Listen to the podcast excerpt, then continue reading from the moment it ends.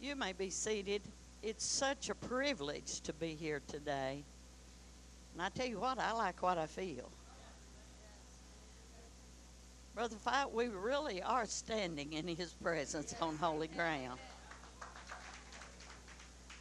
And it's so wonderful for the privilege. I've ever since we came into this place this morning, all the I could feel such love from the people and and during their practice, the choir practice, and all, I could feel the sweet presence of God. The most awesome experience anybody in this world can have is to have the Spirit of the Almighty God in their heart. I honestly feel so sorry for everybody in this world that don't have His sweet Spirit. I've been privileged to have the Spirit of God in my heart be 53 years in February.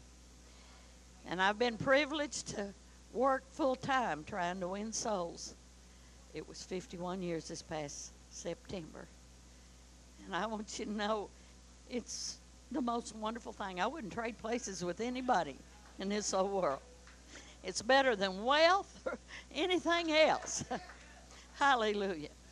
I'm so privileged to get to see Sister Glenda fight. All of you, and I don't want to make, but Sister Glenda was one of our little girls back in the early 60s at Leachville, Arkansas. And I'll be honest with you, I don't remember ever having to correct her. If if I ever did, and I don't believe I ever did, but if I ever did, I've forgotten it.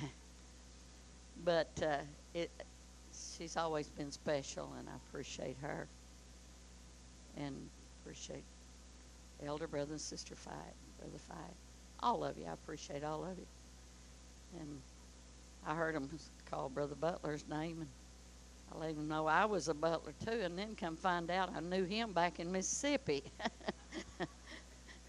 but he, he kind of grew up. but let's don't talk about that. but I I love the Lord so much, and and I'm so glad we can come to Him. And Brother Fight was mentioning the tapes and CDs. This song is on the tapes and CDs, and it just says, Come to me. And we're living in a generation, the devil's doing everything he can to just load God's people down. And he's trying to destroy their faith. People talk about what used to be. Well, it still is today. what God used to do, He'll still do. Oh, and I want you to know He'll carry your load. It don't matter what it is. Brother George is the only sweetheart I've ever had, and we married when I was 15 years old, and we was married almost 48 years. It'll be eight years in January since he went to be with the Lord. And he gave me the uh, greatest honor I'll ever receive in this life. Before he passed away, he told the kids, said, Your mama's been faithful, and when I'm gone, she'll travel and win souls. And that's what I've been doing since a month after he went to be with the Lord. I've been traveling, trying to win souls. And really, that's all that really matters is helping people miss hell. But the devil's trying to load people down and tell you God don't do what he used to do. But he's still just the same today. And he's still saying, Come to me. I'll give you rest. Come on, let me carry you load, is what he's saying.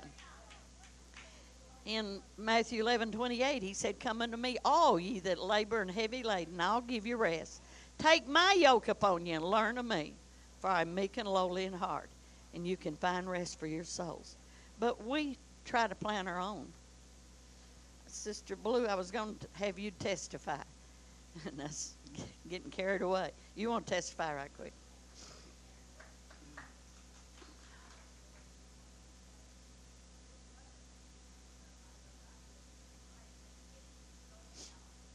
Oh, God, yeah.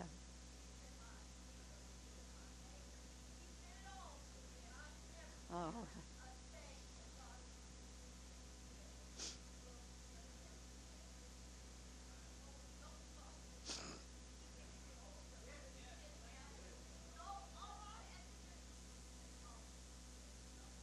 All right.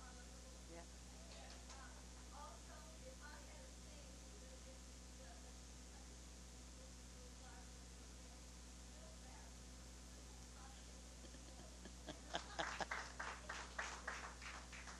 You know, we get ourselves in trouble a lot of times because we don't let God chart our course. And it's amazing if we just let Him chart our course. Uh, I had to fly out here this time because I didn't have anyone to ride with me, and my children can't tell me what to do, but they do get upset if I have to be by myself a long trip. And uh, so I try not to worry them. And sometimes they get thinking I'm kind of old, you know.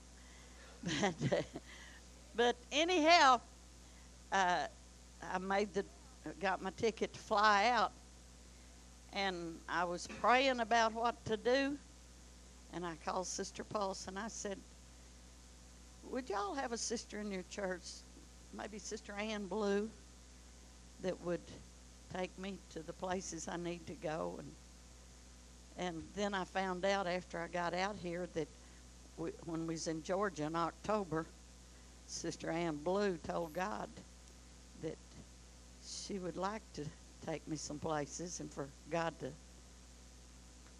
put, give her name to me or something to that effect. So God charts the course. But listen to the words of this song, Come to Me. And Jesus said, Come to me whenever you feel lonely. Just reach out your hand, there I'll be. As usual, I'm tormenting musicians. Jesus said, Come to me whenever you feel lonely. Just reach out your hand, there I'll be. Please just depend on me only. If you ever need a friend, come to me. My life was filled with sorrow in the passing of each day. I found no joy or comfort in things the world would say. Then I learned to lean on Jesus in those hours of distress. And in Him I found peace, I found love and sweet rest. Oh, He said, Come to me whenever you feel lonely. Just reach out your hand, there I'll be. Please just depend on me only. If you ever need a friend, come to me. Listen to this verse. Now, if today you're seeking the Lord for relief, oh, He has precious promises from all of your grief. Just hold close to Him, for His burdens are so light. Whatever is wrong in your life, Jesus will surely make it right. Oh, oh, He said, Come to me whenever you feel lonely. Just reach out your hand, there I'll be.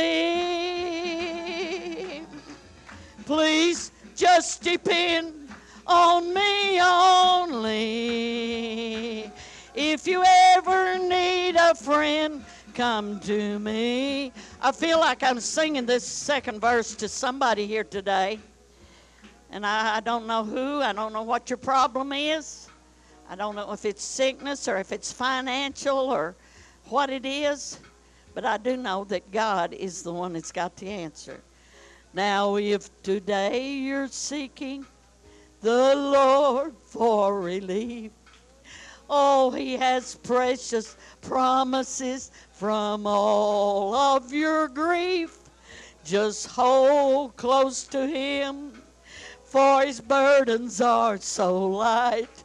Whatever is wrong in your life, Jesus will surely make it right.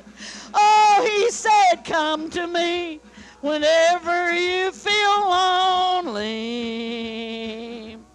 Just reach out your hand, there I'll be.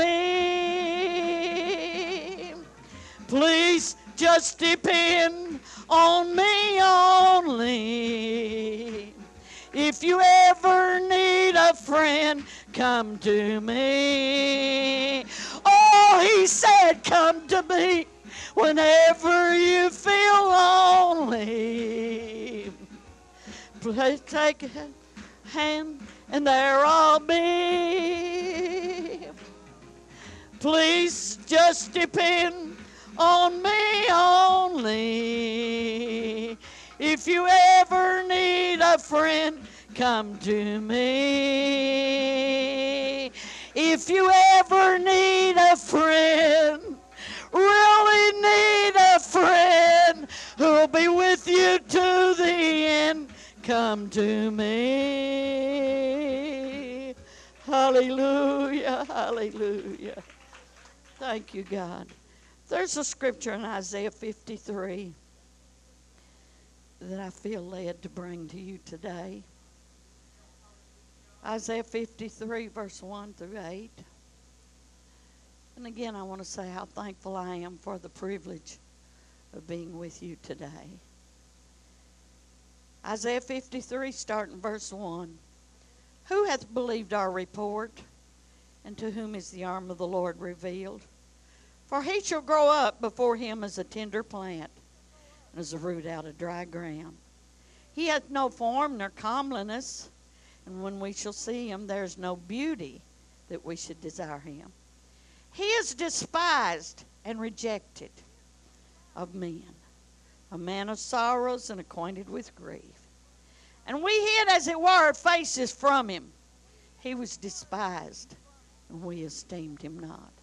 Surely he hath borne our griefs and carried our sorrows. Yet we did esteem him stricken, smitten of God, and afflicted. But he was wounded for our transgressions, he was bruised for our iniquities. The chastisement of our peace was upon him, and with his stripes we are healed. All we like sheep have gone astray. We have turned every one to his own way, and the Lord hath laid on him the iniquity of his, uh, us all. Will you just raise your hands and ask God to give us what's needed here today?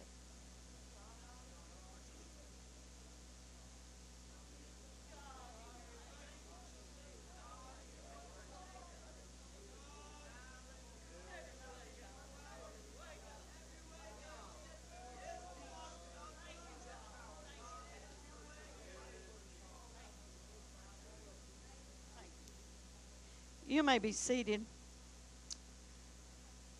We all know that God is a spirit. And from the time that Adam and Eve transgressed against God's word, mankind were on their way to hell. Brother Fight, all of us would have been on our way to hell. The scripture said, without the shedding of blood, there's no remission of sin. Revelations 5 said, He that sat on the throne had a book written within and without. And they searched heaven and earth and under the earth, and there was no man worthy to open the book. The book was salvation. They searched, and there was no man worthy to shed blood to bring salvation to mankind. Saul, in the Old Testament time, they sacrificed the blood of bulls and goats and all of that to roll sins ahead. The, the animal sacrifice would not bring salvation, but it just rolled their sins ahead. But the one God, He came down to this earth in the form of a little baby and lived here. Notice Revelations 5 that I started quoting to you. He said, John, don't weep because the Lamb of the tribe of Judah hath prevailed to open the book. In other words, God came down here in the form of man and lived a sinless life in this world for 33 and a half years uh, to help bring us salvation. Ah, and of course, we all know how that uh, they betrayed him.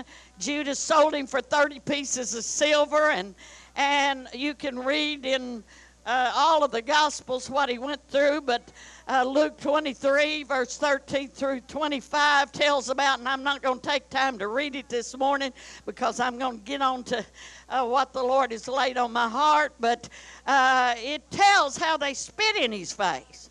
Now, that's hard to take. Come on, I, I, I believe it's a sin to slap a child in the face. I believe God made a place for you to spank. But one day a little boy spit in my face, and before I'd even thought about it, I slapped him in the face. And I had to repent to him and his parents because, but it's, it's hard to take for someone to spit in your face, but he stood there the Savior, stood there and let them spit in his face, let them slap him and pull his hair and abuse him in all ways. Uh, they put the crown of thorns on his head. He stood there and let them put the stripes on his back. And you notice he said, I could call 12 legions of angels. He didn't have to take any of that. When they started smiting him on the back, he could have struck them dead just like that. But he didn't because he loved mankind and wanted them to uh, have healing, wanted them to be saved. You know, the wonderful thing, science says there's 39 major diseases in the world, and all sicknesses and diseases come under those 39 categories. And our Lord stood in Pilate's hall and allowed them to put 39 stripes on his back for every bit of our healing, and it don't make any difference what it is. But after he had suffered all of that, Pilate wanted to turn him loose. And they said, Crucify Jesus and give us Barabbas. They rejected him. And that's what I want to talk to you for a little while today about a rejected Savior. You talk about uh, horrible for them to say, go ahead and crucify Jesus, give us this murder, this uh, robber. Uh, and that's what they did as they crucify him. Uh, but I want you to know today, not in those words are we saying, uh, crucify Jesus and give me something else. But, Brother Fight, the church world today, in so many words, not in words, but by actions, are saying, Crucify Jesus and let me have something else. Oh, come on, that's what they're doing today.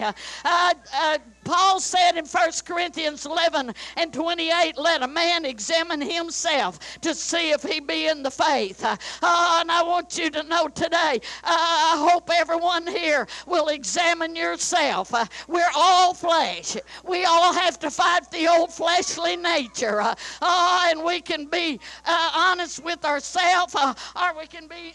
my mother was a very godly lady, but she was shorter than I am and quite a bit wider than I am. But she would not get on the scales. You couldn't hire her to weigh. And she'd look at somebody else and say, Boy, I'm glad I'm not as big as they are. And we could tell she's bigger. She's fooling herself. A lot of times people sit in the apostolic church and say, Well, I'm living better than so and so. That's no consolation. So and so may not be living good enough. But you got to examine yourself and see if you're where you need to be with God. God. Oh, God. In John 14, 15, Jesus said, If you love me, you will keep my commandments. He was not talking about the Ten Commandments. Come on, he let us know in Matthew uh, that the Ten Commandments was too weak. Uh, Jesus said, It's been said, uh, Thou shalt not kill. But I say, if you're angry at your brother without a cause, uh, uh, you're guilty. Uh, it's been said, Thou shalt not commit adultery. But I say, if you look on a woman to lust after, you've committed adultery with her already in your heart. he wasn't talking about the Ten Commandments. Paul said in Romans, that that law was too weak. Oh, but I want you to know what he was talking about. He was talking about that 150 something commandments in the New Testament church. Uh, that's what he's talking about when he said, If you love me, you will keep my commandments. Oh, God. I see a lot, and I'm sure you do too, of people that one time had a holiness standard that are now saying it don't take what it used to take. I've had uh, someone tell me I was an old fogey. Come on uh, because I still believe what was sin in 1954 when I got the Holy Ghost is still sin today.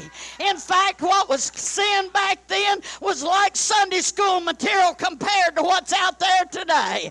Uh, everybody that got the Holy Ghost in 1954 would quit watching TV uh, because it was ungodly. Uh, uh, but now, uh, what's on TV, I hadn't watched it, but I hear people talking about it. I've not watched a TV program since 1954. I hadn't watched any sports. Come on, I am not interested in the sports page. All of that was back uh, before 1954. Uh, but God's people today, uh, people that one time had a standard, they're saying it don't take what we used to preach. But I want you to know what those people are saying is crucify Jesus. Give us the world. Come on, that's what they're saying. Just go ahead and crucify Jesus. Give us the world. Let us dress ungodly. Uh, let us go ahead. The women wanting to bob their hair. Uh, uh, there's a Jesus name church in Jonesboro, Arkansas. Uh, one of the first church that was started in that town. Uh, now the ladies are cutting their hair. Uh, they're wearing pants. they're wearing shorts. the men's are wearing shorts and all kinds of stuff. they're saying, crucify Jesus and give us the world. Uh, but I want you to know Romans 12 and 1 uh, said, I beseech you, therefore, brethren, by the mercies of God, that you present your body a living sacrifice, holy, acceptable unto God, which is your reasonable service, and be not conformed to this world. In other words, what he's saying, don't follow the fads of the world. Come on. Thank God this looks like a holiness church to me. Uh, but you know what? I go into some uh, Jesus name churches. the sisters can't raise their hands praise the Lord without showing their back and their belly. Got them little hip hugger skirts and short blouses. Uh, come on. Uh, they're saying, crucify Jesus and give us the world. Oh, God. Uh, and then you see some of the brothers, uh, they've got the, the seat of their pants bagging to their knees. They have to go around holding up their pants, uh, showing the underclothes. They're being conformed to this world. Come on, they're saying, crucify Jesus and give us the world. Oh, God. Oh, God. The rejected Savior. But there's so many people, and I'll try not to make this too long, but there's so many people. Some of them are saying, Go ahead and crucify Jesus. Let me keep my jealousy. Let me be jealous. Or let me hold bitterness in my heart. Come on, the devil's using bitterness to try to destroy God's people today. I see him working. It breaks my heart to, see the devil working among God's people and have them bickering and fussing over little things that don't really matter. Uh, uh, back in our part of the country, uh, there was some of the ministers uh, uh, disfellowshipped one another uh, because some of them believed Jesus could have sinned and didn't, and the others believed he could not have sinned. It don't make any difference. He didn't sin. Come on, that's what counts. Uh, he did not sin, uh, and that's what counts. Uh, but people are doting about questions that gender strive. They're saying, crucify Jesus and let me have my little theory. You crucify Jesus and let me have my little ideas. Oh, but I want you to know we need to, we've got to love one another. That's one of the commandments. Jesus said, if you love me, you will keep my commandments. And he said, uh, A new commandment I give unto you, that you love one another. Hereby will the world know you're my disciples because you have love one to another. Oh, God. But the devil is doing everything he can to get God's people to crucify Jesus all over again. Oh, God. Envy, bitterness. Oh, People have bitterness in their heart. Uh, they hold little grudges. But Jesus, in the model prayer, he said, Forgive us our debts as we forgive our debtors. And then he went ahead just a little farther down, said, If we don't forgive those that trespass against us, uh, he's not going to forgive us when we trespass against him. And I dare say there's nobody here that never did trespass against Jesus. Come on, we all have had to go back and say, Jesus, forgive me. Uh, but uh, if we don't forgive, he's not going to forgive. He said, uh, I believe it's uh, Matthew 5 I forgot exactly the scripture, uh, uh, but he said, if you bring your gift to the altar and you remember that your brother has aught against you, uh, leave your gift there and go and be reconciled to your brother, and then come back and offer the gift. Uh, our gift is a sacrifice of praise. If we come to the house of God and we begin to praise God and we remember that our brother has aught against us, we're not supposed to go ahead and offer that sacrifice sacrifice of praise. God's not accepting it if we don't go uh, and be reconciled to our brother uh, and then come back and offer that sacrifice of praise. Uh, uh, Peter said in Matthew 18, uh, I think it's about 20 somewhere along in there, uh, he said, Jesus, how many times should I forgive someone that trespasses against us? Should I forgive them seven times? Jesus said, I say unto you, 70 times seven. Uh, that's 490 times uh, uh, that you got to forgive them. Uh, oh, come on. Uh, there's no excuse for not forgiving. Uh, if people will give everything over to God, it, it, there's going to be hurts. come on, there's going to be people that'll mistreat you. but Jesus said, Vengeance is mine. I will repay, saith the Lord. If we turn it all over to Him, then He'll take care of it. But if we go around, I've heard people say, well, I'm not bitter, but I'm just hurt. Well, honey, if you hold hurt in there a little while, it'll turn to bitterness. Oh, come on. Uh, but what it does, I read a little thing here a while back. said uh, that holding bitterness in your heart is like taking poison, hoping it kills your enemy. Come on, what it doing? It's just destroying your body. Come on. It's just uh, destroying you. Makes your blood pressure high. Uh, cause all kinds of up, upsets in your body while the person you're holding the grudge against is still going on their way. Uh, uh but uh, people today, uh, go ahead, crucify Jesus. let me keep this little bitterness in my heart. Oh, God. Because we can't have him in our heart and bitterness too. I don't know why I keep feeling this, but I remember reading in Reader's Digest sometime back about a Jewish man that every one of his family was killed in the gas chambers by Hitler during the Second World War. And the reporter that was interviewing him said, I guess you just hate Hitler, don't you? He said, Oh no, I forgave him. And the reporter said, You forgave him? He said, Yes, I didn't want to bring him to America with me, so I forgave him. Oh, come on. If you're holding bitterness, that's what you're doing is carrying that person around with you.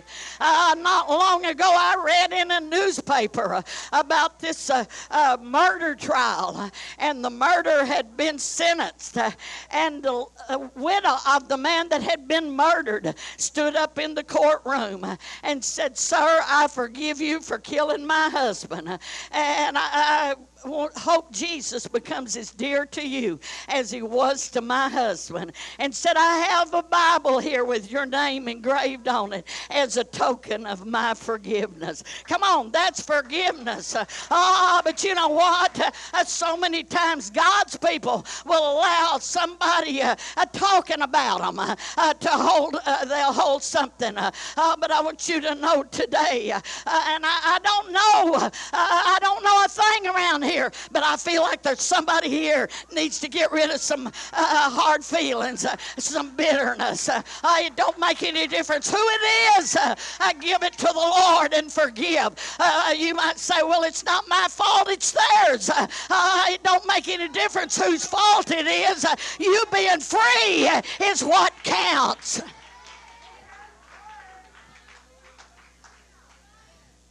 Several years ago, two of my granddaughters, they lived in Illinois, and they went to Sikeston, Missouri, and on their way back from Sikeston, this man passed them. He was driving a, a Dodge Dually. Now, I don't know what that is, I just know it's a truck. But uh, he was in this Dodge Dually and these girls was in a little sports car. And he started trying to make them pull over. So my granddaughter Cherie stepped on the gas and passed him. And when she did, he started ramming them. She got up 90 mile an hour and he was still ramming them. Well, my, the other granddaughter grabbed the cell phone and called 911. And the police told him to get away from him. And Cherie got up to 120 mile an hour, and he was still ramming. And the police could hear him over that phone. And he told them to get off at the next exit, which was Scott City, Missouri. And of course, there's a, a beginning to that story that morning at 2.15. Cherie's mother woke up feeling a real burden. And she didn't know what she's praying for. But for about an hour, she cried and wept before God, not knowing what she was crying for. Ah, but she found out before the day was over. Uh, when they got to Scott City exit, that exit there is just like this and she got slowed down to 90 mile an hour but she couldn't get any slower and she come off of that ramp and hit the ditch and then hit a truck and this man followed her off and when he hit her car his front wheels ended up in her back seat. He jumped out and started trying to get in their car to them, hollering he's going to have to kill them. Uh, and the police wrestled him down. But what I want to tell you, at his hearing, my daughter, Cherie's mother uh, got a burden for that man. He was an elderly man, 69 years old. Uh, they found out he had 30 something traffic violations, didn't even have a license. And the truck he was driving, he was test driving it from a car dealership in Sikeston. Uh, but uh, he at his hearing, uh, Juanetta got a burden for him. And she called my daughter and her husband that was doing prison work at the time and asked them to send that man some tracts. And they did send him tracts. Didn't let him know that they was kin to the girls, but just sent him tracts.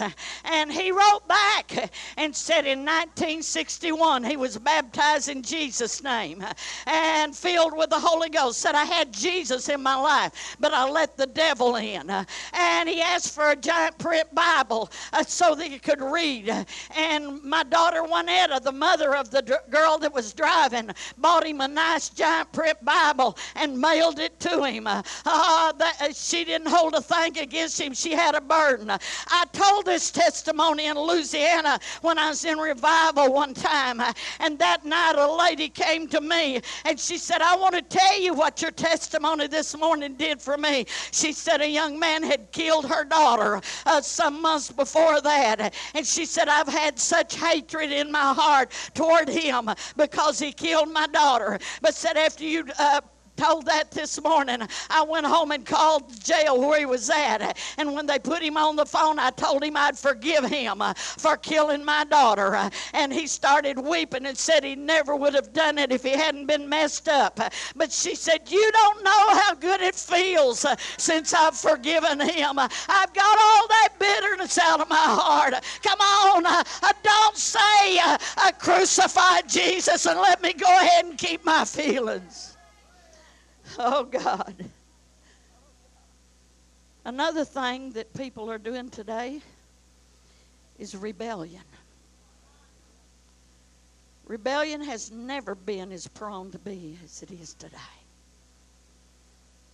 I see them in church. In fact, I heard of a young lady not long ago said, I don't have to listen to any preacher.